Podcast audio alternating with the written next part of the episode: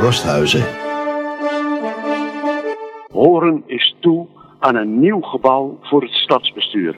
Het huidige stadhuis voldoet niet. Je wordt er volgens de ingewijden doodziek en je stookt je arm en een flink deel van de ruimte is overbodig. Je kunt natuurlijk andere organisaties lokken om de restruimte op te vullen, maar die willen ook niet opgezadeld worden met uit de hand lopende stookkosten en ziekmakende werkplekken. Je kunt natuurlijk de hele zaak renoveren, zodat alles zal voldoen aan de normen zoals die in 2030 verordeneerd zullen worden. Maar dan ben je duurder uit dan nieuwbouw. Zo ongeveer moet je de stand van zaken zien in de discussie over de keuze nieuwbouw of renoveren. De raadsleden zijn in de afgelopen weken in speciale sessies bijgepraat. En dan zou je toch kunnen denken dat iedereen met de kennis van dit moment ongeveer hetzelfde zou kiezen. Maar dat keren horen ze raadsleden niet goed. Hoewel het eigenlijk een zakelijk besluit zou moeten worden, spelen er ook emoties mee. Sentimenten misschien. Maar ook inzichten die niet door ieder worden gedeeld, hoe vaak je die ook zou herhalen.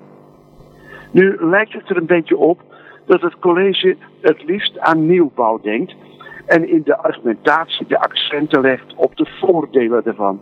Het allerbeste argument heeft natuurlijk met de kosten te maken.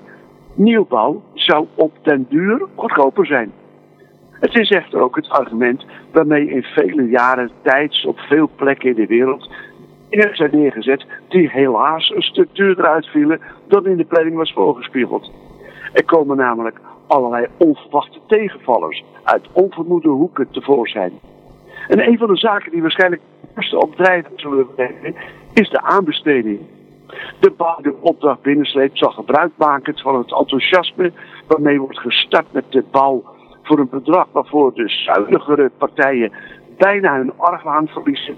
Ons binnen de kortste keren duidelijk maken dat factoren buiten zijn wil om het bouwen voor die prijs onmogelijk maakt. We zullen helaas enkele mooie zaken moeten schrappen. Om te beginnen met de stoep van mooi steenmateriaal uit verre berggebieden. Of we moeten met een extra krediet de realisatie van de oorspronkelijke plannen mogelijk maken.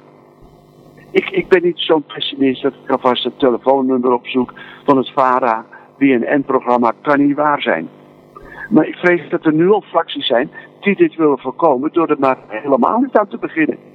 De realistische gaat daarin het verst. Geen poespas voor duur geld van onze burgers. We moeten dure aanpassingen die op die als ze aan orde zijn. In die koers dus. Ook HOP waarschuwt voor onvermoede aanslagen op het gemeentebudget.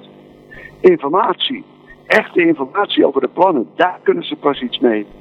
En daar staan dan partijen als VVD en VOCH, sorry, sorry, VOC Horen tegenover, die de ambtenaren liever vandaag dan morgen willen bevrijden uit een gebouw dat een regelrechte aanslag blijkt te zijn op hun gezondheid. En hoe mooi is het niet, wanneer ook anderen kunnen profiteren van nieuwe eigentijdsfaciliteiten. Het stopt natuurlijk dat de praktijk van de bouw van een dergelijk project altijd anders is dan dan elke met meerderheid van stemmen overeengekomen theorie.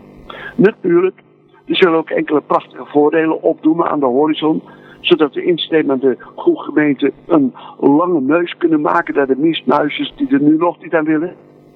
Er zijn al partijen die hebben aangegeven mee te willen liften in de nieuwbouw. De directeur van onze bibliotheek opperde zoiets al aan het begin van de vergadering.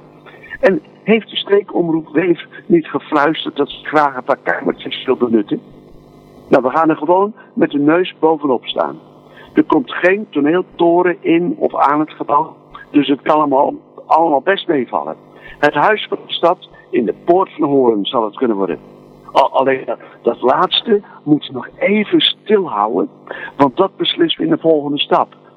We gaan niet in één keer alle verrassingen prijsgeven. Wordt vervolgd.